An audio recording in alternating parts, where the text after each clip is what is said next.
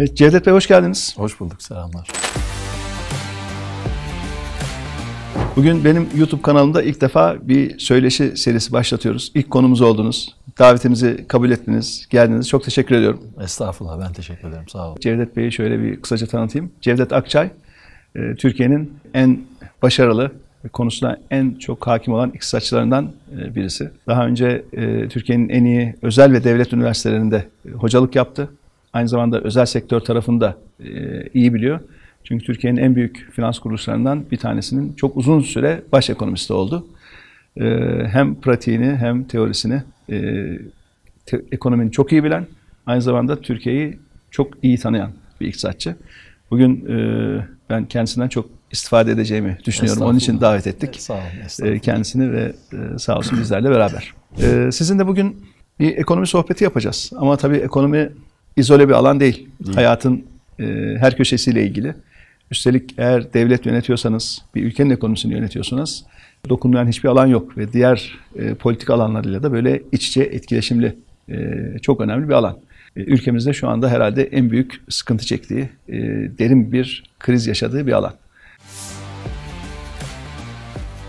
Ben öncelikle şunu sorayım. Türkiye ekonomisinin şu anda içinde bulunduğu krizin e, en önemli sebepleri neler? Yani sebeplerden başlamak gerekiyor ya çözüme doğru yürümek için. E, neden bu krizi yaşıyoruz? Niye insanlar bu kadar e, yoksullaştı? Özellikle kamuoyu araştırmalarına bakıyoruz. Vatandaşlarımızla sokağa çıktığımızda, görüştüğümüzde, sohbet ettiğimizde, kahvehanelerde oturduğumuzda, gençlerle kafelerde oturduğumuzda sorduğumuz zaman en önemli sorun ne memleketin dediğimiz zaman bize hep ekonomiyle ilgili şeylerden bahsediyorlar. İşsizlik diyorlar, yoksulluk diyorlar, hayat pahalılığı diyorlar. Tabii ki başka sorunlar var ama özellikle şu son aylarda yoğun bir şekilde e, bunu duyuyoruz. E, ve bunu bir yandan da çalışıyoruz. Daha iyisi nasıl yapılabilir diye bir gayret de ediyoruz kuşkusuz. Bu krizden nasıl çıkılırın da gayreti var ama önce bir herhalde e, kök sebeplere inmek lazım. Asıl sorunun kaynaklarını konuşmak lazım ki ondan sonra çıkış yoluna tedavi e, aşamasına gelebilelim. Köke indiğimiz zaman çok çetrefilleşiyor iş bence. Ben biraz e, hasbel kadar kafa yordum buna. İş birkaç boyutlu. Yani şöyle birkaç boyutlu. Bir yapılan tırnak içinde politik hataları var diyelim. Mesela bana göre hata ama tabii yapanlara göre hata değil. E, ama sonuçlarını gördüğünüz anda en azından hata olup olmadığı konusunda daha kesin bir fikriniz olabilmesi lazım. Orada bir takım hatalar var ama bu işin bence en kolay algılanabilecek olan boyutu yani en basitinden alalım. Son faiz indirimleri bana sorarsanız büyük hataydı Merkez Bankası açısından ama e, bunun tersini söyleyen insanlar da var. Dolayısıyla şimdilik hatalı olduğu intiba uyandı olan sonuçlardan dolayı. Belki ileride biz yanılmış olacağız vesaire. Sanmıyorum ben ama hani e, sonuçları tam görmeden belli bir süre hata alıp olmadığında çok kesin karar vermemek lazım derim ben yaklaşım olarak. Şimdi bu işin basit, basit kısmı yani iki tarafı da savunan insanlar çok kolay bulabilirsin ama iktisat biraz göründen daha zor bir alan. Ben Türkiye ile ilgili problemleri biraz şöyle görüyorum. Yani hataların niye yapıldığını anlıyorum ama hak veremiyorum. Yani anlamakla hak vermek farklı şeyler. Keşke yapmasalar diyorum ama o hataları yapmaktan kaçamayacaklarını da bazen anlıyorum. Onu da şöyle anlatıyorum biraz antropolojiye falan girmek zorunda kalıyorsunuz. Yani ama mecburen girmek zorunda kalıyorsunuz. Çünkü basit örneklerinden gideyim. İktisat biraz aslında karmaşık bir alan. İnsanlar olduğundan daha kolay sanıyordur iktisat ama iktisat biraz karışık. İki tane örnek vereyim mesela çok yakın zamanda gördüğüm. Biri yerli hatta yerli ve milli bir örnek. Öbürü Yurt dışından bir tane örnek. Bir profesör arkadaşımın yolladığı örnek ikincisi. Birincisi şu bu yeni bir program var deniyor mesela bize. Bu programla ilgili ben bir doküman arıyorum. Herkes arıyor zaten neye benziyor falan filan diye. Bir tane geldi. O gelen de yani böyle flowchart dediğimiz akım tablosuyla bize işte yeni programın gerekleri falan diyor ama içinde bir şey bulamadım ben gerekçeye dair. Bir de Eylül ayında Ayrıca orta vadeli program açıkladılar o değil açıklandı. mi? Yani daha Ondan 4 sonra ay Merkez önce... Bankası'nın 28 Ekim'deki enflasyon raporu var. Oradaki öngörüler evet. var vesaire. Onların şu anda iki mislindeyiz en aşağı enflasyon görüntüsü olarak. Dolayısıyla bir program devreye hakikaten sokulmuş olsa iki ay evveliyle bu kadar çelişki rakamlar ortaya çıkmaması lazım. Programla ilgili bu. Model mevzuna daha sonra geliriz isterseniz. Onda da tuhaflıklar var bence ama esas önemli olan şey şu o akım şeması gibi olan şey de ben mesela şunu gördüm. Hazırlayan arkadaş şunu yazmış tepe yönetiminden. Yüksek faiz, ok, sebep oluyor düşük kur. Şimdi yüksek faiz düşük kura sebep olmaz illa. Şimdi bana faizin neden yüksek olduğunu söylemezseniz ben kura ne olacağını söyleyemem size. Şimdi bu kısım biraz teknik ama Hani dinleyen insanlar da şunu belki görecekler. Ya o kadar basit değilmiş diyecekler. Şöyle anlatayım. Çok vakit kaybetmeyelim ama eğer faizinizin yukarıya gelme sebebi fiyat düzeyi sabitken nominal para arzını kısar ve reel para arzını da kısmış olursanız teknik tabirler mecburen faiziniz yukarıya gelir. Ve o sebepten yukarıya gelen faiz paranıza değer kazandırır. Ama faizin yukarıya geliş sebebi enflasyon beklentisi yukarıya geldiği içinse paranız değer kaybeder. Yani iki durumda da faiz yukarıya geliyor ama birinde paranız değer kazanıyor, diğerinde değer kaybediyor. Burada tabii şu sebep sonuç ilişkisini bir Tabii anlamak tabii, o- gerekiyor değil mi? Önce? O da antropolojik bir problem. O da ayrı bir mevzu yani. Korelasyonla nedensellik farkını anlamak falan ama şimdi bu biraz daha karmaşık bir şey. Çünkü o arkadaşın yazdığına bugünkü durumdan direkt şunu söyleyebilirsiniz. Bakın bugün faiz yüksek, kur da yüksek. Niye faizin yüksek olduğunu anlamadan o sonuca gidemezsiniz. Böyle bir dolu şey var. Mesela ikinci örnekte yine ona istinaden bir e, yabancı kuruluştan arkadaş yolladı? Profesör bir arkadaş yolladı. E, başlık şöyle MIT ve Berkeley diyor iki tane çok meşhur üniversite Amerika'da. Artık Blackboard Economics'i bırakıp yani kara tahtada öğretilen iktisadı bırakıp hayata daha uygun iktisat anlatmaya soyundular diye bir şey var. Tamam peki dedim ilgimi çekti tabii ki benim. Altına indim makaleyi okuyorum. Orada diyor ki e, veri diyor kitapta söyleyeni aslında desteklemiyor diyor. Çünkü Amerika'ya baktığınızda diyor ücretler artmış fakat sunulan emek miktarı artmamış. Yani arz eğrisinin yukarı doğru eğimi yok. Tam tersi var diyor. Hayat diyor kitaba uymuyor. Dolayısıyla bu kitabın anlattığı değil. Kitap aslında daha fazla şey anlatıyor size. Orada anlatılan yine teknik olacak. Hani dinleyenler biraz kusura bakmasın ama bir ikame etkisi vardır. Bir de gelir etkisi vardır. Şimdi geliriniz sizin ücretler düzeyinde arttığı zaman gelir etkisi şunu söyler. Daha zengin oldun daha az çalış. Ama ikame etkisi de şunu söyler. Bak ücret arttı. Ücret arttığı için çalışmamanın maliyeti arttı. Yani leisure dediğimiz tembellik deyin, boş zaman deyin daha maliyetli hale geldi. Ondan tüketme. Diğerine git der. Daha kıymetli olan yani çalışmaya git der. Şimdi iki etki birbiriyle çatışıyor. Gelir etkisi diyor ki daha az çalış. İkame etkisi diyor ki daha çok çalış. O arkadaşın verinin gösterdiği şey bize şunu söylüyor. Kitapta yazan gelir etkisi ikame etkisine baskın çıkmış. Bu kitapta var. Siz bunu kitapta yok, o kitap artık eski diye anlatırsanız bunu okuyan insanlar iyi bir öğrenci değilse ya da iyi bir öğrenciymiş ama artık 20 sene görmemiş onu unutmuşsa gelir ikame etkisi evet ya doğru der mesela. Şimdi iktisatta böyle çok ciddi riskler var. Yani yeteri kadar bilmeyenleri size anlattığı şeyin üstüne atlama, onu yutma, ondan sonra başkalarına onu affedersiniz kusma hali gibi sürekli yeni bir şey çıktı falan diye. Ben bunu çok görüyorum Türkiye'de. Çok görüyorum ve çok tehlikeli. Çünkü kanaat önderi diye de bir kavram çıktı mesela. Bu insanların bir dolusu kanaat önderi diye ortalıkta geziyorlar. Ve iktisatla ilgili çok yanlış fikirlerini sürekli zikrediyorlar ortalığa. E onun böyle bir gurunun da müritleri var. Peşinden gidiyorlar. Milyonlar takipçi falan filan. Bu çok sıkıntılı bir durum. Şimdi bununla nasıl baş edeceksiniz? Çok zor çünkü niye bu sorunları yaşıyoruz? İlk sorunuz bakın uzuyor cevap ama şundan dolayı. Ben hep şunu söylüyorum. Türkiye iktisadi toplum değil henüz. Burası T zamanında trade etmeyi bilen bezirgen bir toplum. Çünkü iktisadi toplum olduğunuz zaman zaman boyutu birden fazla boyuta çıkıyor. Otomatikman yani T var, T artı 1 var, T artı 2 var. Ve siz karar alma sürecinde bugün yaptığınız hamlenin T artı 1'de, T artı, artı 3'teki sonuçlarına bakarak bugün karar vermeniz lazım. Biz bunu daha beceremiyoruz. Ben bunu etimolojiyle de anlatıyorum. Kızıyor insanlar mesela. İktisat neyle ilgilidir diye sorarsanız ki iktisat diyorum sürekli. Ekonomi demiyorum fark ettiyseniz. Çünkü İngilizce economics var bir de economy var. Doğru. Economy o gördüğümüz hayatta yaşadığımız olguların işte iktisadi hayatla ilgili kısmı. Doğru. Bunu incelemek için de Hatta economics tasarruf tasarruf anlamı da var ayrıca. Tabii tabii, aynen. Ha. Economizeden Ama gelen, Economics deyince tamamen O dalın işin adı. Dalın adı. Dalın adı. O dalın incelediği şey de economy. Yani economics öğrenmiş olacaksınız. Bileceksiniz ki economy hakkında konuşun. Şimdi Türkçe'ye çevirirken ekonomi tahsil edeceksiniz ki ekonomi inceleyin. Aynı kelime olmuyor. Onun için özellikle iktisat tahsil etmiş olacaksınız ki ekonomi ilgili konuşun diyorum ben. Türkiye ile ilgili gördüğüm sıkıntı herkes ekonomi konuşuyor. Çok az sayıda iktisat bilen insan yapıyor bunu. Yani ekonomi konuşabilmek economics'te biliyor olmayı gerektirmiyor. Ama yanlış konuştuğunuz anda çok yanlış yerlere gidebiliyorsunuz. Onun için diyorum ki ben çok dikkatli olması lazım insanların konuşurken. Ve sizin demin söylediğiniz yani korelasyon, nedensellikle korelasyonun farklı şeyler olması ki bunun çok yapıldığını görüyoruz mesela. İşte faiz enflasyon en büyük meselelerden bir tanesi. Halbuki bunun testleri var. Yani işte Granger, Kozel testler, şunlar bunlar. Benim önüme bir şey getirirsiniz. Ben de bakarım evet ya hakikaten faizden enflasyona geliyormuş. Tersi değil derim. ikna olurum. Bir de tabii dört kere testi yapıldı değil mi bunun? Yani Tabii, Eylül pratik testi, olarak Ekim testi, testi, tabii. Kasım testi, Aralık testi. 2018'de de Ocak'ta yapıldı. bakalım. Tabii 2018'de de yapıldı. O zaman da 625 puan arttırıldı. Evet. Faizler düştü aşağı geldi mesela. Demek ki bunlar ters yönde gidebiliyorlar. E, kitap size diyor ki kitap bir tane faizden bahseder. R der mesela işte İngilizce kitaplar. R yukarı gitti. Peki bir dolu faiz var. Onlara ne Return'ün oluyor? Evet. Aynen. Onlara ne oluyor? Ya hepsi aynı yönde giderler. Şimdi kitap size ideal durumu anlatıyor. Fakat hayat ideal durumdan sapmalar. Onun için siz hayattaki bu sapmaları okuyabilmek ve varsa bir terslik buna çare bulmak için kitabı önce iyi bilmeniz lazım. Ondan sonra hayatın kitaptan ne kadar saptığını görmeniz lazım. O sapmayı nasıl karşılayacaksınız, önleyeceksiniz ona kafa yormanız lazım ama önce kitabı bilmek lazım. Yani galaksi gözlemleyeceksiniz, teleskop lazım. Şunu diyemezsiniz. Ben zaten çıplak gözle gözlemliyorum galaksiyi diyemezsiniz. En azından iyi bir dürbün lazım.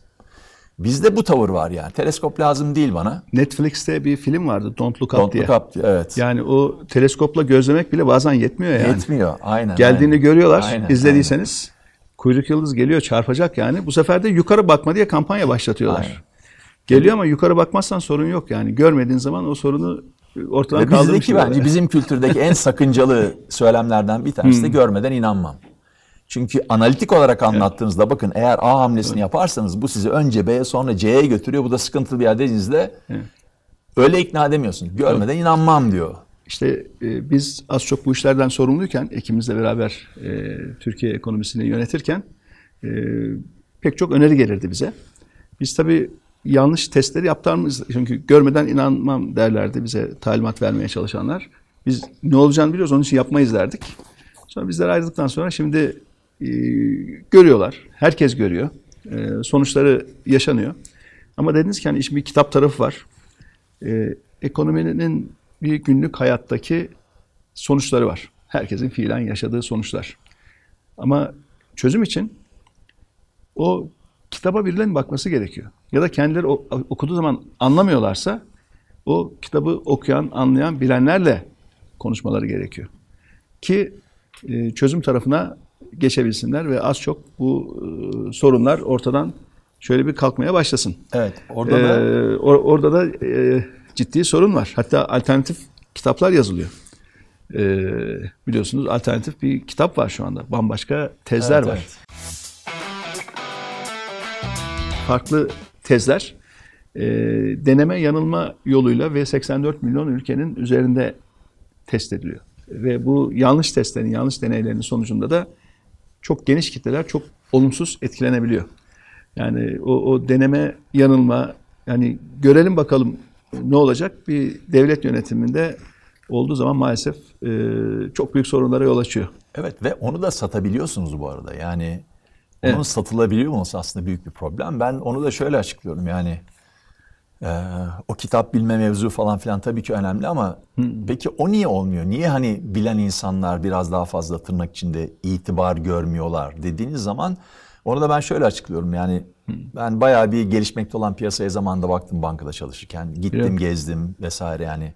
Arjantin ne kadar bile gittim. Arjantin'de bazı O dönemlerde sizinle hep yakın Evet, evet. yakın görüşüyorduk Aynen, böyle aynen, istişare ediyorduk aynen. her konuyu. Yani Evet. Arjantin'de böyle iktisadi düşünce enstitülerini falan da ziyaret ettim. Oradaki Hmm. insan kalitesi falan. Arjantin batık vaziyette. Ama bu ayrı bir mesele. Şu anda OECD'de ve G20'de bizden resmi enflasyon yüksek olan tek ülke. ülke, aynen. Evet o da bayağı bir vaka yani. Tabii tabii IMF'nin bir tane chartı var mesela Ekim raporunda Hmm. çıkarttığı. İşte 3 grup ülkedeki enflasyon ve çekirdek enflasyonları grafik ediyor. 3 grup ülke var. Bir tanesi AE dediği Advanced Economies yani gelişmiş ekonomiler. Gelişmişler. Sonra EM'ler diyor Emerging Markets. Bir de üçüncü grup var. LIDC diyor yani Low Income Developing Countries. Düşük gelirli gelişmekte olanlar. En alt grup yani. Hmm. Türkiye o grafiğe sığmıyor. Yani LIDC'lerin bile enflasyonu o grafiğe sığıyor. Bizimki sığmıyor. Ayrı bir gezegende gibiyiz yani. Şimdi bu niye oldu? Olmak zorunda Şampiyonlar mıydı? Ligi falan diye hükümet bunu anlatıyor ara ara yani. Evet, yani- Hangi ligse biz de çok anlamıyoruz ama.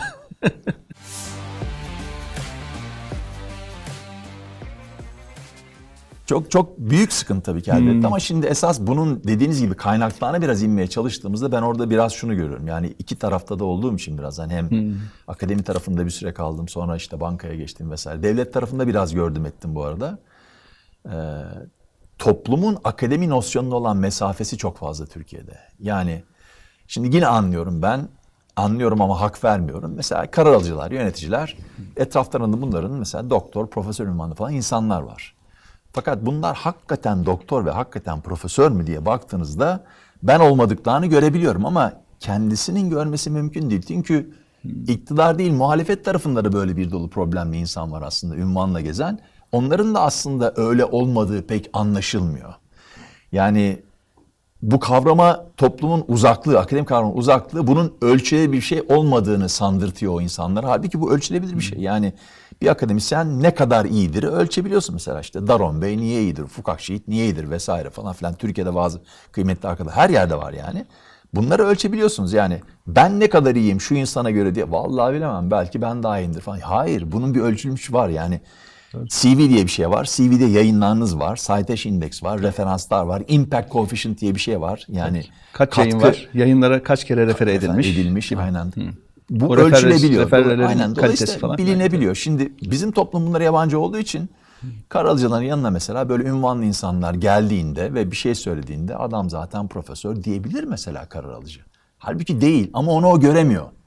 Onun için biraz yönetimleri de aşan bir problem var Türkiye'de maalesef ve kurumlarınız zayıf olduğu zaman İnsan kaynağınız zayıf olduğu zaman yanlış karar almak çok kolay hale geliyor. Ben Türkiye ile ilgili bir hep söylerim. Yani bunlardan en aşağı bir tanesinin kuvvetli olması gerektiği çok aşikar ama Türkiye'nin kurumları zayıf. Dolayısıyla hasbel kadar zayıf kurumlara iyi bir insan kaynağı geldiği zaman kurumun zayıflığını geçici olarak örtüp iyi işler çıkartabiliyorsunuz ama insan kaynağı zayıfladığında kurumların da zayıflığı ortaya çıkmaya başlıyor ve kötü kararlar alınıyor. Şimdi bunu nasıl önleyeceksiniz? Valla bunun kısa dönemde bir çözümü bence yok. Ama bunun bir problem olduğunu eğer algılarsak, anlarsak o zaman şunu yapabiliriz. Ya evet bunu çözmek için bir önce eğil insanları göreve getirelim. Bunların eğil olduğu konusunda hemfikir olalım. Ve onların verdiği sinyallerle yürüyelim. Piyasalar böyle oluşsun, fiyatlar böyle oluşsun, iktisadi performans böyle gelişsin dersiniz. Ondan sonra da o olurken bu problemi halletmeye çalışırsınız. Bunu bir süre becerdi Türkiye bence. Ama bir noktadan sonra becerememeye başladı. Hani niye oldu ya falan da benim cevabım var ama o bambaşka bir program konusu tabii ki. Yani o iktisadın biraz dışına çıkan bir şey. Yazık oldu. İktisatın dışına çıkmışlıktan bahsederken tabii e, bu son aylarda yoğun bir şekilde ekonomiyle ilgili temel, temel kararlarda bir de NAS vurgusu var. O da çok tehlikeli. Ee, şimdi e, tabii işin kitapta yazan boyutu var. Fiili uygulama var. Dünyada pek çok örnek var. Bazen e, kitapta yazan önemli ama bir o kadar da fiili uygulanan, test edilen, başarılı olmuş ve başarısız olmuş bir sürü program var, bir sürü model var, bir sürü uygulama var. E, bütün bunlara tabii bakmak önemli ama bir de NAS diye bir dosya açtığınızda ve bütün ekonomi politikasını o kelimeye bağladığınızda e, anlaşılması çok zor bir alana girmiş oluyorsunuz. Üstelik orada e, o prizmadan baktığınızda da doğrunun ne olduğuyla ilgili de pek çok teori var. Yani oradaki ilim insanlarının da o nasıl inceleyen, bakan, tarif etmeye çalışan ilim insanlarının da farklı farklı yorumları var, farklı değerlendirmeleri var. Ee, ama sanki en önemlisi fiili uygulama ve sonuçlarına bakmak. Geniş toplum kesimlerine bir şeyleri anlatırken sanki daha ikna edici oluyor. Biz şunu hep söylüyorduk, diyorduk ki e, arkadaşlarımızla beraber e, eğer eğitimde ve hukukta gerekenler yapılmazsa Türkiye orta gelir tuzağına düşecek diyorduk. Tabi bunu farazi olarak söylüyorduk. Ee, bazıları da diyorduk ya bunları boşa uğraşmayın, boşa çabalamayın. Artık Türkiye başka bir evreye girdi. Dolayısıyla insanlar görmeden inanmayacak demeye başladılar bize. Bir görsünler sonra inansınlar. Hatta görevde olduğumuz dönemde bu telkini alıyorduk. Ya bir bırakın gidin.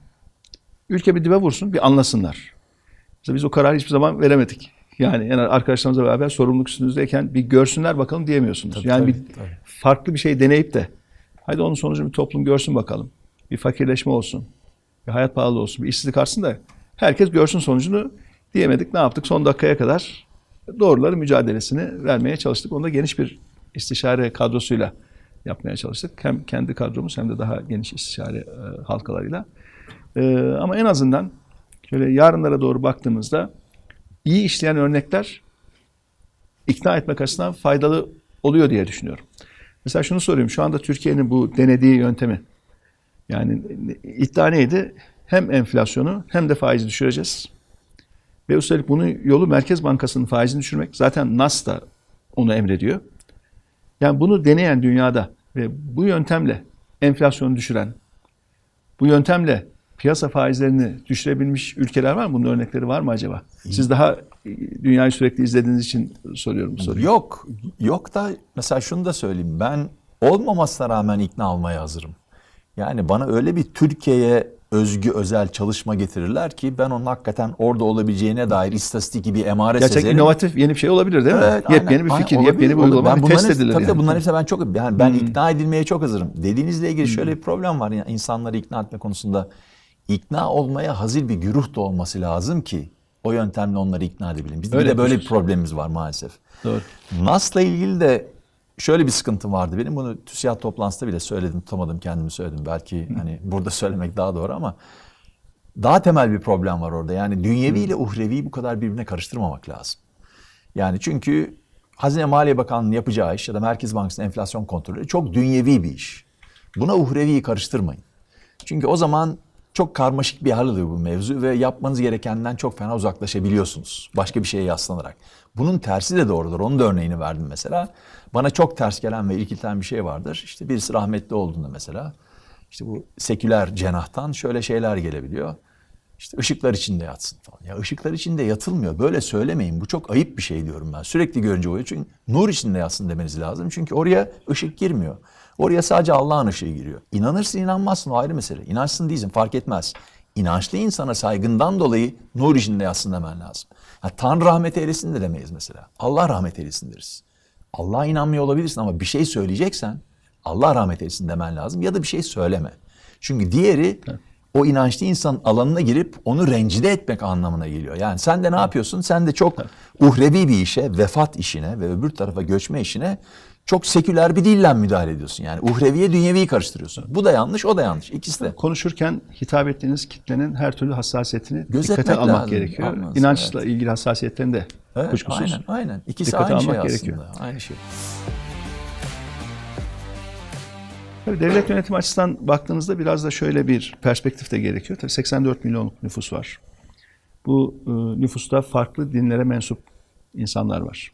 Farklı mezheplere mensup insanlar var. İnanmayan e, insanlar var. E, dolayısıyla devlet yönetiminde e, özellikle sunduğunuz finansal hizmetler ya da yaptığınız düzenlemeler açısından da hani herkese hitap edecek alternatifleri ortaya koyma gibi de mecburiyetiniz var. Ee, yani sadece toplumumuzun şu kesimine işte çoğunluk burada ve bu kesimde biz hitap eden enstrümanlar ortaya koyduk. Diğer kesimlerde artık yapacak bir şey yok diyemiyorsunuz. Yani bu açıdan alternatif finansman metotlarını ve alternatif finansal enstrümanların e, olması da e, son derece önemli. Aynen. Yani özgürlük alanını genişletmek ve insanların tercihlerini çoğaltmak açısından baktığımızda bu da önemli. Tabii de Türkiye dışarıyla, dünyayla çok entegre bir ülke. Yani izole edip düşünemiyorsunuz. Tabii. Yani dünya finans sistemiyle entegreyiz, dünya ticari sistemiyle e, entegreyiz.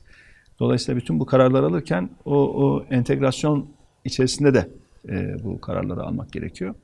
Ki vatandaşlarımız için e, iyi sonuçlar oluşsun. Tabii tabii. E, bayağı yoğun bir giriş yaptık.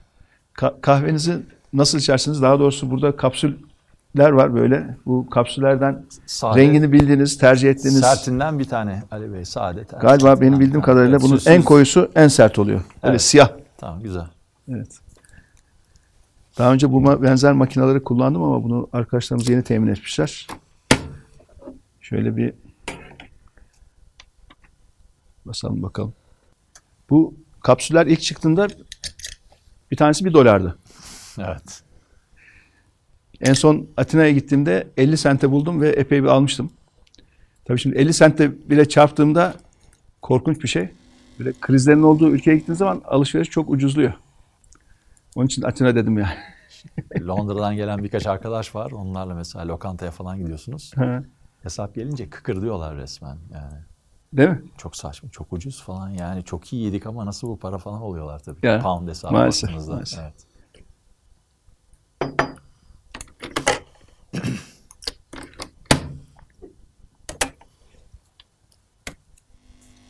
Geçen hafta bizim küçük oğlanla bir şöyle AVM gezelim dedik. Ne var ne yok fiyatlara bakalım. Bu elektronik cihazların fiyatları korkunç. Yani eskiden araba alacağınız fiyata bir tane basit bir elektronik cihaz ya da bir ev cihazı alıyorsunuz yani. Ölçüler çok değişti. Evet. Hele bu fiyatı dövize bağlı ürünlerde durum gerçekten çok çok sıkıntılı.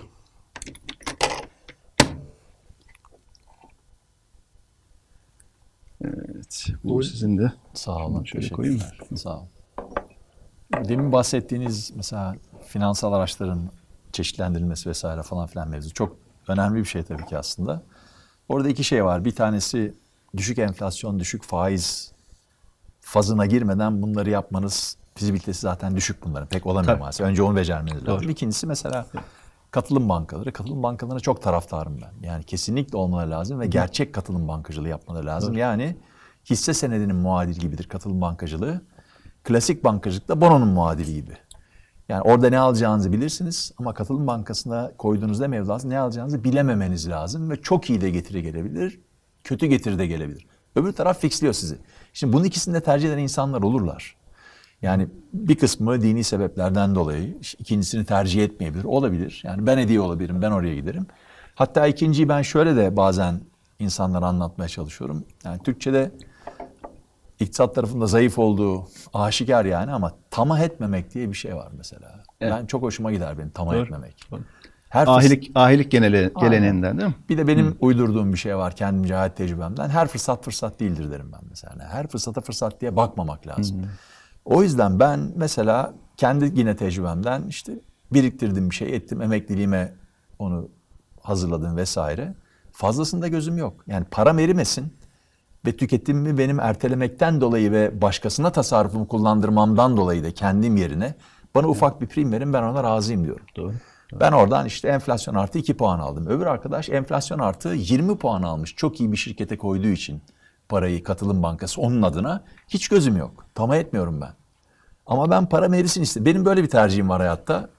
Tam bu dediğinizle benzer maalesef çok olumsuz bir tabloyu geçen hafta e, Ataşehir'de gördüm. 85 yaşında bir emekli vatandaşımız. Kendi anlattı. Ben dedi Kadıköy çocuğuyum. Kadıköy'de büyüdüm dedi. Çok çalıştım dedi. İyi işler yaptım dedi ve dedi emekli oldum dedi. Ve taşıdığı o arabayı gösterdi bana. Dört tane 5 litrelik su şişesini aşağı inmiş birkaç kilometre ötedeki içilebilir bir çeşmeden doldurmuş, onu evine götürüyor. Tanesi diyor bunun 5 lira oldu diyor. 4 tanesine 20 lira vermem gerekiyor diyor ve ben emekli olarak buna gücüm yetmez diyor. Onun için hazır kapalı suyu marketten almıyorum diyor. Boş şişeleri gidip çeşmeden doldurup geliyorum diyor. Ve karşılaştığımızda oturup dinleniyordu çünkü yol uzak ve evine suyu taşıyor. Bu Ataşehir'de oluyor ve Kadıköy'de doğmuş büyümüş. 85 yaşında tam da emekliliğinde rahat yaşaması gereken bir insanı bana anlattı. Gerçekten e, bu finansal enstrümanlar, bunların nasıl değerlendirileceği, insanların ömür boyunca biriktirdiği o emeklilik haklarının emekli olduktan sonra nasıl e, geri kalan ömrü boyunca kendisine nasıl bir hayat yaşatacağı, bunlar çok çok önemli konular. E, bir devletin sistemi var tabii. Bir de bizde şimdi bireysel emeklilik var. Biz bireysel Evet. emeklilik sistemi de e, kurmuştuk biliyorsunuz zamanında. Sıfırdan onun yasal düzenlemesini yaptık. E, sistem belli bir büyüklüğe de geldi ama nihayetinde dönüyor dolaşıyor bu işler güvenle çalışıyor. Tabii. Yani finansal enstrüman demek, emeklilik sistemi demek çok uzun vadeli Çıkan da bayağı insan oldu. güvenle Tabii. ancak oluşuyor. Evet. E, daha sonra bir mecburi hale getirdiler onu. Daha doğrusu her işe başlayan, çalışmaya başlayan Otomatikman otomatik giriyorsunuz. e, Sonra üye oldu ama onların çok büyük bir oranı tekrar hemen çıkıyorlar. Çünkü o kesin yapılan kesintilerin nerede nasıl değerlendirileceğini bilemiyorlar yani. Ya on, bunu onlar devlet yapacağını onlar, onlar yapacağını Evet. ben yap. Evet devlet Aynen. desteği yüzde 25 Aynen. hatta en son 30'a galiba çıktı. yüzde 30'a 30'a çıktı, aynen. 30'a çıkarıldı şimdi. Bu ciddi bir devlet desteği ama bunların hepsi güvenle oluşuyor. Katılım bankaları meselesi tabii aslında biraz bu hani finansal ilişkilerin nasıl tasarlandığıyla ilgili bir model. E, biz 2018 yılında G20 için bir rapor hazırlamıştık. 16 kişilik bir uluslararası heyet. E, o raporda bir sonraki küresel krizi önlemek için bugünden neler yapmalı diye bir bölüm var. Üç bölümden birisi bu. Ve o bölüme biz 16 kişilik heyet olarak e, şunları yazdık. Dedik ki risk paylaşımına dayanan finansal enstrümanların dünyada daha çok kullanılması. Ve bunun daha çok kullanılması için de vergi uygulamalarının bu tür enstrümanları teşvik edecek hale getirmesi gerekir diye. Ee, örneğin şu anda Türkiye'de bir şirkete sermaye koyduğunuz zaman o sermaye hemen vergiyle cezalandırılıyor. Ama aynı şirket bilançosuna kredi koyduğunuzda kredinin faizi vergi matrağından düşüyor. Bu sadece Türkiye'de değil pek çok ülkede var. Dolayısıyla klasik faize dayalı borçlanma. borç alacak ilişkisini e, daha çok teşvik eden bir vergilendirme sistemi var. Biz 16 kişilik heyet olarak tüm G20'ye ve tüm dünyaya dedik ki bu değişmeli. Ters teşvik Ve yani aslında. Tabii. e, risk paylaşımına dayanan finansman modellerinin yaygınlaşması gerekir diye. E, bunun e, adına işte katılım bankası demedik, sukuk demedik ama risk paylaşımı ve katılımcılık ruhuna dayanan finansal metotlar diye yazdık. E, ve bunu yazarken bizim ekipte e, yani Çinli de var, Japon da var. E, Taylor yani Ya-. Yahudi de var, Müslüman da var. İşte erken Taylor, meşhur Taylor Evet, kuralı, merkez aynen. bankacılarının John Taylor, Taylor. kuralını kullanan John Taylor da var. Çin'in Merkez Bankası Başkanı da var, Avrupa Avrupa Merkez Bankası Başkanı da var. Yani o ortak bir e, kanaat olarak bunu yazdık. Aksi halde dünyada çok büyüdü. Yani kredi ilişkisine Evet. dayanan, faize dayanan ve e, borç alacak ilişkisine, katı bir borç alacak ilişkisine dayanan finansman çok büyüdü. Ve bu finansal sistem içinde büyük risk tehdit etmeye başladı. Şimdi merkez bankaları belki faiz artırma trendine bu yıl girmeye çalışacak ama bir yandan da Avrupa'da çok borçlu, o kadar çok ülke var ki yani herhalde Avrupa Merkez Bankası her faiz artışından önce böyle eli Aynen, titreyecek. Aynen. Bu 28 Avrupa Birliği ülkesi var ama bunların 16 tanesi şu anda avro kullanıyor. Belki bir iki ülke daha eklenmiş olur son dönemde takip etmedim. O Balkanlarda belki bir iki ülke daha eklenmiş olabilir. Henüz değil. Ee, o 16 ülkenin herhangi bir tanesinin borç sürdürülebilirliğini etkileyecek bir tablo oluştuğunda herhalde Avrupa Merkez Bankası'nın eli titreyecektir. Yani belki göz göre göre enflasyon riski varken yine de onu yapamayacaktır. Tabii bu merkez bankalarının para politikasıyla maliye politikasının da e, bir arada değerlendirilmesi e, gerekiyor yani. E, zor bir süreç. Bu hafta Yunanistan'ın eski başbakanı Sayın Papandreou geldi ziyaretimize. E, güzel bir sohbet yaptık. Tam Yunanistan'ın en derin krizinde başbakandı. Evet. E, daha önce Dışişleri Bakanlığı da yaptı zaten ilk o, o zaman tanışmıştık. Hala da e, irtibattayız.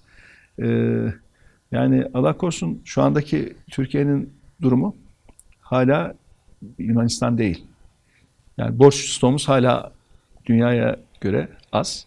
E, zaten şu anda bütün bu yanlış uygulamalara eğer tolere eden, bütün yanlış uygulamalara rağmen hala iflas etmeyen bir Türkiye varsa zamanında o borç stoğunun çok aşağıya çekilmiş olmasının bir verdiği bir rahatlık ama o rahatlık şu anda böyle belki ileri bir tabir Yavaş. olacak ama hovardaca kullanılıyor o alan yani. 2019'da başladı kullanılması hatta yani. Tabii. Pandemiyle değil patlama 2019'da esas patlama oldu Doğru. bütçe doğru. tarafında. Yüzde 74'ten yüzde 27'ye inmişti borç stoğu.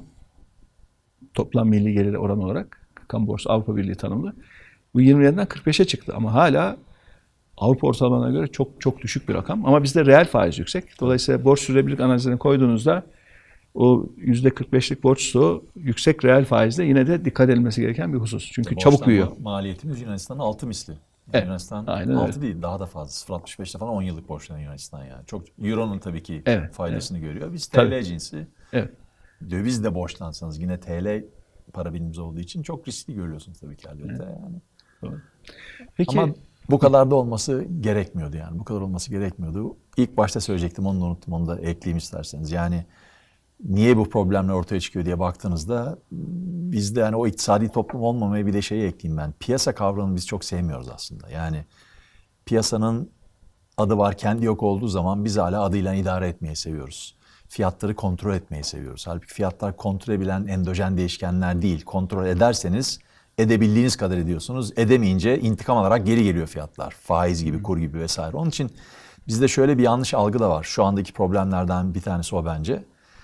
Ee, iyi gözüken resim yanlış fiyatlarla oluşmuşsa onun geçici olduğunu düşünmüyorlar. Onun öyle kalabileceğini düşünüyorlar ama fiyat nosyonuna uzak oldukları için orada herhangi düzeltme yapmak gerektiğine zaten inanmıyorlar. Ben hep onu söylerim yani doğru fiyatlarla oluşmuş kötü bir resim aslında o kadar kötü bir resim değildir. Çünkü fiyatlar doğru oluşmuşsa sinyal doğru geliyordur. Neden o kötü resmin doğduğunu bilirim. Önlemini alabilirim ama yanlış fiyatta oluşmuş iyi bir resimde neyi düzelteceksiniz ki resim iyi gözüküyor zaten. Olunca maliyetler birikmeye başlıyor ve ileride patladığı zaman da çok gerekmeyen yüksek bir maliyetle karşı karşıya kalıyorsun. Otoriter rejimlerin böyle e, piyasa, serbest fiyat gibi kavramlar çok işine gelmiyor. Sevmiyorlar yani. Hani Şimdi ben ona yaptım geleceğiz. oldu. Ben belirledim. Tanzim satış mağazası kurdum. Ben fiyatı düşürdüm. Ben faizi indirdim. Ben e, fahiş etiketlerle mücadele talimatını verdim diye e, böyle serbest piyasa anlayışına çok alan kalmıyor yani. Ama hani piyasanın en önemli e, avantajı yani özellikle vatandaşlarımız geniş kitler açısından düşündüğümüzde oradaki yarışma. Yani rekabet bazen böyle kötü bir kelime olarak da anlaşılıyor. Mesela biz Avrupa Birliği'nde 33 faslından bir tanesi rekabet. Ee, bu konuya bazıları yaklaşırken e, şunu gördük. Dediler ki ha Allah'tan bu rekabet mevzu var çünkü bu rekabetten bıktık yani. Hani şöyle rahatça bir istediğimiz fiyata malımızı satalım gibi yaklaşımlar da geldi o zaman. Biz dedik ya bu tam öyle değil aslında yani tam tersine rekabet iyi işlesin yani bunun amacı o. Ee, dolayısıyla bu rekabet e, halka nasıl yansıyor? Daha iyi ürünü, daha iyi hizmeti, daha ucuza Ucuza. üretmenin bir yarışı. Yani onun için yani bazen serbest piyasa böyle bazı ideolojik çerçevelerde olumsuz değerlendiriliyor. Ee, piyasa kelimesi bile bazıları için Evet. ürkütücü ama hani halk yararı açısından, geniş kitlelerin yararı açısından baktığımızda aslında daha iyi hizmeti, daha iyi ürün, daha ucuza e, verebilmenin yarışı. Onun için biz bunu destekliyoruz. Ama tabii ki öte yandan da bütün bu yarışta geri kalan, şöyle ya da böyle o asgari geçim seviyesinin altında kalan vatandaşlarımız için de mutlaka bir sosyal destek, sosyal yardım mekanizması şart. Tabii. Biraz ben bunu olimpiyatlardaki böyle yarışlara benzetiyorum. Ee, yani devlet işte diyelim ki bin metre koşusu koşacaksınız. Devlet çizgileri çizecek. Başlangıç noktası yarışın belli olacak. İşte elinde birisinin başlangıç tabancası olacak. Ee, ve koşuda gerçekten kim iyi hazırlandıysa o kazanacak. Tabii ki arada bir bakacaksınız birisi doping almış mı almamış mı? Yani devlet özel bir destek veriyor mu? Yani birinden böyle kayırmacı bir iş yapmış mı yapmamış mı? Yoksa gerçekten kurallara göre mi yarışıyor ona bakacaksınız. Bir de bazen tabii o yarışta düşenler oluyor, sakatlananlar oluyor. İşte o noktada da sosyal destek, sosyal yardım mekanizması. Yani ambulansınız hazır olacak, sedyeler hazır olacak. Hemen o yarışta geri kalanı alıp götürecek ve yardımcı olacak bir mekanizma da mutlaka gerekiyor. Tabii, tabii. Demin şey dediniz ya yani bu fiyat kontrolünde otoriter zihniyet kafa falan vesaire. Oradan için konu konu açıyor biraz kendi dalım dışına çıkacağım ama aslında ilintili yani tanjant bile değil bence göbekten deliyor. Geçenlerde yani aklına çok güvendiğim bir arkadaşımla sohbet ediyoruz bu konularla ilgili. Aslında otoriter lafının bile nasıl evrime uğradığını biraz tartıştık ve anladık beraber konuşurken. O da şu. Aslında üç tane farklı otoriterlik tanımı var gibi şimdi günümüzde bizim hani konuştuğumuzdan çıkarttığımız kendimiz. O da şu bir tanesi bildiğimiz klasik milliyetçi otoriterlik diyebilirsiniz mesela. İşte Türk'ün Türk'ten başka dostu yoktur. Hani tam bağımsızlık mesela ne demekse tam bağımsızlık. Bu dünyada tam bağımsız neresi var diye bakarsınız belki bir tek Kuzey Kore var. Başka bir yer yok gibi ama Kuzey Kore'de işte o kadar olabiliyor, olabildiği kadar. Yani karşılıklı bağımlılık bu işin çok esası. Bunu nasıl yönettiğiniz yani ne kadar ehil bir şekilde bunu yönettiğiniz çok önemli tabii ki. Ee, ikincisi biraz şimdi oksimoron gibi gelecek tanımdan. Kendi içinde çelişiyor gibi ama uluslararası ulusalcı otoriterlik diyeyim. Yani o da şöyle bir şey. Ulusalcılık var ama aynı zamanda uluslararası. Mesela Avrasyacılık bunun en temel örneklerinden bir tanesi. Orada da şunu diyorsunuz. Takriben şunu diyorsunuz. Ya bu bizim sosyal dokumuza uygu. ve batıdakinden biraz daha yumuşak bir aslında otoriter rejim. Dolayısıyla buna çok karşı çıkacak falan filan bir şey yok. Yani bize benzeyen yerlerle ortaklık yapmak istiyoruz biz. Ama onun dışı bize çok fazla uymuyor. Zaten bu da sosyal dokunuza uygun. Bunu da böyle satıyorsunuz, pazarlıyorsunuz. Bunun da müşterileri var. Yani birincisinin müşterileri var. Ama ben onun biraz azaldığı kanaatindeyim. İkincisinin müşterisi biraz arttı galiba. Yani bu uluslararası ulusalcı otoriterliğin müşterisi biraz arttı gibi. Bir de biraz en hınzır olanı üçüncüsü var. O da biraz tehlikeli bence. Yani gençlerle ilgili mesela düşündüğümde aklıma hep o geliyor. Ona da şöyle diyeyim. Hani progresif, ilerlemeci, liberal otoriterizm gibi bir şey söyleyeceğim. Çok garip gelecek şimdi ama bir Evet, araya koymamın da bir oksimoron sebebi yani. var. Ha, yine oksimoron yani ama anlatırsam belki anlaşılacak. Hani ilerlemeci çünkü dili öyle ilerlemeci. Mesela Batı'da bu çok aslında. Batı kaynaklı biraz bu bu tür otoriterlik. Onda da şu var mesela işte politik doğruculuk, political correction dediğimiz şey mesela. İşte bunun alt varyantları var. Me Too movement, o vardı, bu vardı falan filan vesaire bir dolu şey. Ee, korku endüstrisi yaratma var mesela. Bir süre şunu yemeyeceksiniz sakın diyorlar. Ya da şunu devamlı yerseniz neredeyse ölümsüz olacaksınız diyorlar. Ya da işte tıbbi bir takım şeylerle sizi korkutuyorlar diyor vesaire falan filan. Böyle bir aslında bu otoriter bir tavır yani. Hepiniz bunu yapın, hepiniz bunu yiyin, hepiniz böyle yapın falan gibisinden. Ve bu batıdan doğduğu için bunun da bir alıcısı var mesela. Ve bilim fetişizmi üzerinden gidiyor. Bilimden ziyade çünkü bilimde şüphe var. Bu size şüpheyi dışarıda bırakıp bilim fetişizmi üzerinden bir şeyler satıyor sizi. Bu da otoriter bir tavır ama hiç öyle gelmiyor. Gayet liberal geliyor. Bunun da bayağı bir alıcısı var. Şimdi üçüne de takılmamak lazım diyorum ben. Ve Türkiye'nin esas problemi bana biraz şöyle geliyor. Yani bunların üçünün de dışında hakiki demokrat tavır dili geliştirmek lazım Türkiye'de aslında. Gerçekten kapsayıcı, gerçekten demokrat bir dil ve bunların üçünü de aslında dışarıda bırakabilen bu kolay bir şey değil. Ama buraya böyle garip bir güvenim de var benim Türkiye'ye. Yani o kadar karmaşık bir yer ki burası. İşte ben 61 yaşındayım neredeyse. Sakın alınmayın. Benim bir altım kuşak, bir üstüm kuşak karar alıcı pozisyonundan çıktığı zaman bunun olma ihtimali daha çok görüyorum ben mesela. Ama bizim kuşaklar özellikle ben ve üstüm kuşak biraz toksik ortam kuşağı gibi geliyor. Bu kafaya yatması çok zor. Onun için bir ve ikiye direkt takılıyorlar. Yani birinci ve ikinci otoriterizm kalıbına direkt giriyorlar. Gençlerin üçüncü anlattığıma girme riski biraz fazla. Çünkü onun böyle sesi nefesi liberal kokuyor. Öyle olduğu için Kamufle. Aynen çok kam çok Kamuflaj sinsice, orada yani. evet. sinsice ve kamufle edilmiş vaziyette. Onun için onun da alıcısı var. Bunların üçüne de ben girmek istemiyorum kafasının birazcık daha bence baskın çıkması durumunda ki biliyorum kolay bir şey istemiyorum yani ama burası çok enteresan da toparlayabilir yani. Evet. Peki e, bu sorun e, tespiti konusunda e, epey bir konuyu ka- kapsamış olduk.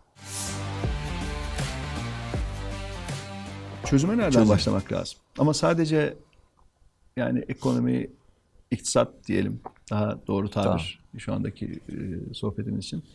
Yani sadece iktisatta değil de biraz daha geniş bir çerçevede baktığımız zaman çözüme nereden başlamak lazım? Ya da tabii ben bunlar illa hani 1 2 3 diye sıralı da gitmek zorunda değil. Eş zamanlı da pek çok yapılacak şey olabilir.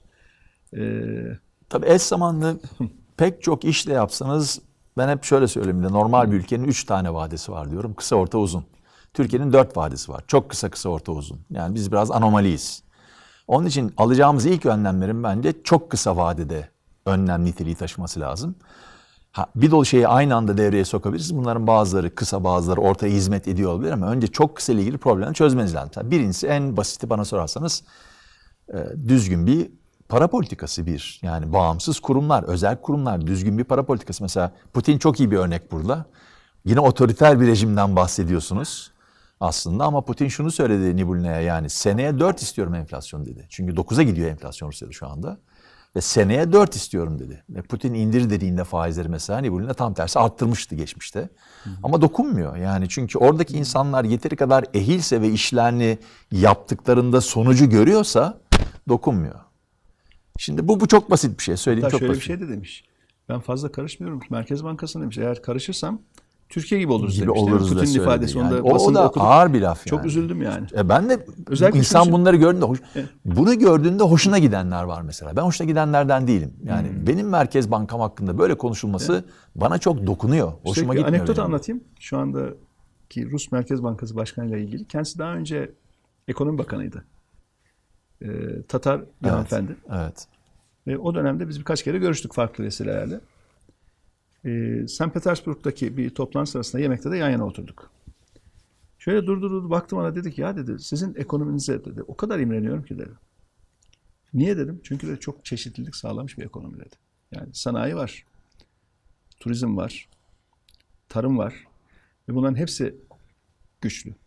Fakat dedi bizim ekonomimiz çok ağırlıklı olarak ham maddeye dayanıyor, petrole dayanıyor, doğalgaza dayanıyor. Keşke biz de sizin gibi çeşitlendirebilsek dedi. Daha sonra Merkez Bankası Başkanı oldu. 2008-2009'da da o Rusya'daki e, malum kriz patladı. Çünkü petrol fiyatları 150 dolardan evet. 20 dolara inince Rus ekonomisi Evet. bayağı bir karıştı. Daha sonra Rus Merkez Bankası bizden e, bir teknik heyet talep etti. Dedi ki sizin başınıza çok geliyor bu işler. Durmadan enflasyon patlar, kur artar bir şeyler olur Türkiye'de. Yani siz bunları nasıl yönettiniz? Tabii bizim de o gün için o günkü Merkez Bankamız, o günkü Merkez Bankası'ndaki ekip gerçekten dünyada çok saygın. İşte bu makro ihtiyati tedbir setini evet. ilk defa dünyada uygulamış. Hani dediniz ya inovasyon Evet. çok önemli. O gerçekten inovasyon. evet, o gün evet. bugün de dünyada o terminolojiyi Türkiye oturttu. Yani makro ihtiyati tedbir seti ve bunun da yani maliye, para politikası, yapısal reformların yanında bir dördüncü alan olarak ilk biz uyguladık. Başarılı olduk. Tabii dünyada o gün için bizim Merkez Bankamız efsane yani. Ee, heyet istediler. Biz o heyeti gönderdik. Lafınızı unutmayın. İlk başta da efsane olmadı bu arada. Direndiler kabul etmekte. Onu da hatırlarsanız yani sonra kabul ettiler doğru bir politik olduğunu. İlk çıkan yazıları hatırlıyorum ben mesela. Öyle öyle. Tabii, Türkler tabii, para tabii. politikasını yeniden bir keşfediyor. Bu ne saçmalık. Bu genişlemeci para politikası falan. İşte Erdem yırtınıyordu o zamanlar. Değil kardeşim. Bunun iki ayağı var vesaire. Doğru. Anlamak istemedikleri için anlamıyorlardı. Yani anlayamayacakları için değil. Anlamak istemedikleri için anlamıyorlardı. Kesin, kesin. Yani hatta Pardon. daha sonra bir başka uluslararası toplantıda 4-5 sene sonra Stanley Fischer bilirsiniz. Ee, dedi bana bakarak bu makro ihtiyati tedbirler dedi çok önemli bir alan dedi artık dedi dünyada falan dedi. Bana bakarak onu söyledi. Ee, işte tam o dönemde biz bir heyet gönderdik Moskova'ya. Arkadaşlarımız birkaç gün kaldılar. Anlattılar yani böyle ciddi dalgalanmalarda ne yapılması lazım diye. Sonra döndüler. Gerçekten onu Rus Merkez Bankası uygulamaya başladı. Ve çok hızlı stabilize ettiler o, o krizi. Ee, o gün bugündür de o me- 2008-2009 krizindeki o büyük dalgayı durdurduğu, önlediği için ve her şeyi stabilize ettiği için Merkez Bankası Başkanı da bayağı bir itibar kazandı. O gün bugündür devam ediyor bakın. 10 yıldan fazladır görevde o hanımefendi yani. Ee, onun için tabii şu anda bulunduğumuz duruma ben ülkem adına biraz üzülüyorum. Yani bir zamanlar işte ders veren ülkeyken şu anda da yanlışlardan bile ders almayan, kimseyi dinlemeyen bir de bu şüphe etmeme hali bende çok rahatsızlık yaratıyor. Yani bu kadar emin olma halinden insanlar nasıl rahat ediyorlar onu hakikaten anlayamıyorum. Yani tamam bir şeyi ittirirsiniz, sonuçlarını görmeyi beklersiniz, tersi çıkar. O zaman en azından şüphe edin diyorum mesela. Ben yaptığım şey doğru çıksa bile şüphe etmeye devam etme kafasında olan bir insanım yani. Şimdi çıktı ama ya tekrar olmazsa ya bu başka sebeplerden dolayı böyle çıktıysa aslında benim ittirdiğim sebeplerden dolayı değil diye hep şüphe duyan bir insan. Gece yatınca da bir gün evvel birilerine bir şey anlattıysam ya sakın yanlış çıkmasın. Çıkarsa yarın arayayım da söyleyeyim. Dün şöyle demiştim ama bakın aslında bu böyle olur falan filan. Her gece rahatsız uyuyan bir insanım ben mesela. Hakikaten hala bile yani. Nasıl rahat ediyorlar bu kadar emin olarak? Bu bana çok ters geliyor. Yani bu çok ters geliyor ve hiç tırnak içinde çok bayılıyor Türkler ama bilimsel bir tavır da değil yani. Çünkü sürekli şüphe etmeniz gerekiyor aslında. Eğer hakikaten arkasında bilimsel bir şey koyduğunuza inanıyorsanız koyduğunuz şeyden sürekli şüphe etmeniz lazım. Sürekli. Bu da aslında ta eğitim sistemiyle beraber Tabii tabii. tabii. kazandırılması gereken Evet, bir bir bir e, yetenek, özellik artık adına ne dersek. E, yani ta ilk 3 yaştan itibaren eğitim sisteminde doğru budur. Bunu ezberle sınavda sorduğum zaman da bana geri anlat değil de tam tersine sorgulayan, düşünen, hatta şüphe duyan bir zihniyetle çocukların küçük yaştan e, yetişmesi hayat boyu hem insanların kendisine çok faydalı hem de nihayetinde topyekün ülkeye e, çok çok faydalı oluyor yani. Evet bir de çok fazla şimdi yine laf laf açıyor ama eğitimden bahsediniz. Genellemelere de mesela çok fazla gitmemekte ben büyük fayda görüyorum. Yani çok iyi araştırılması gereken konular bunlar. Bizim kültürümüzde, sosyal dokumuzda uyumlu olan mesela bir eğitim politikası nasıl olmalı kısmı. Evet. Canım işte PISA'da iyi yapan ülkelere bakın onların yaptığını yapın kadar kolay değil bu. Şöyle örnekle anlatayım. Ee, İsrail'in mesela PISA skorları iyi değil. Yani işte Finlandiya çok yüksek, Güney Kore çok yüksek ve Singapur ama İsrail'in o kadar iyi değil. 15 yaşındaki çocuklara bir yapılan şey bu biliyorsunuz yani PISA. Ama İsrailler şunu OECD, söylüyorlar. OECD'nin yaptı. OECD, Hatta aynen. daha sonra PISA Skills çıktı yani Evet. yetenekte. Evet. Bunu her ülkeye değil de bazen Ve ben sorulara baktım, PISA sorularına. Bayıldım yani. İstatistik falan da öğrettiğim için geçmişte. İstatistik bilmeyen birinin cevaplayabileceği kıvamda sormuşlar. Eğer kafan çalışıyorsa stokastik. Çok hoşuma gitti sorular falan ama şimdi İsrail şunu söylüyor.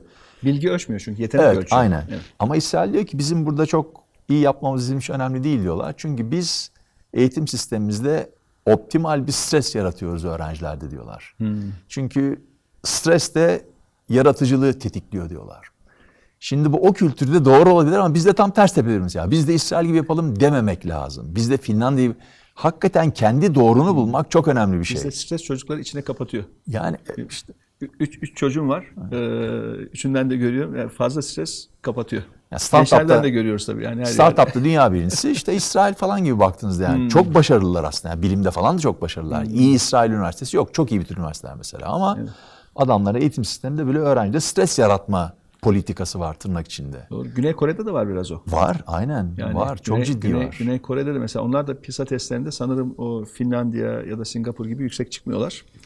O kadar Ee, değil o ama kadar hani- değil. Belki bir, evet, bir, aynen, bir, bir, bir alt şeyde ama stres çok yüksek. Evet. Finlandiya Gençlere ev ödevi yok bakmayın yani. diyorlar. Çalışacaksınız. Ee, ama doğru doğru karışımı e, her ülkenin kendi özel Aynen. mutlaka uygulaması gerekiyor Aynen, yani. aynen. Evet. Çok teşekkür ediyorum. Ben teşekkür ederim. Güzel Çok bir sohbet oldu. Böyle Benim zaman nasıl aktı anlamadım yani. Ben vallahi ne kadar oldu bilmiyorum çok bile. da, çok, çok, sağ da olun. çok da istifade ettim. Sağ olun. İnşallah bizleri izleyenler de e, istifade eder. İnşallah sağ olun. E, bu YouTube yayınlarında başında sonunda e, bazen diyorlar hani abone olmayı unutmayın falan diye. Ben öyle bir şey söylemiş olmayayım ama hani izleyenler de umarım ki keyifle keyifle izlerler. İnşallah. Çok sağ olun. Çok teşekkürler. Sağ olun. Teşekkür ederim. Sağ olun.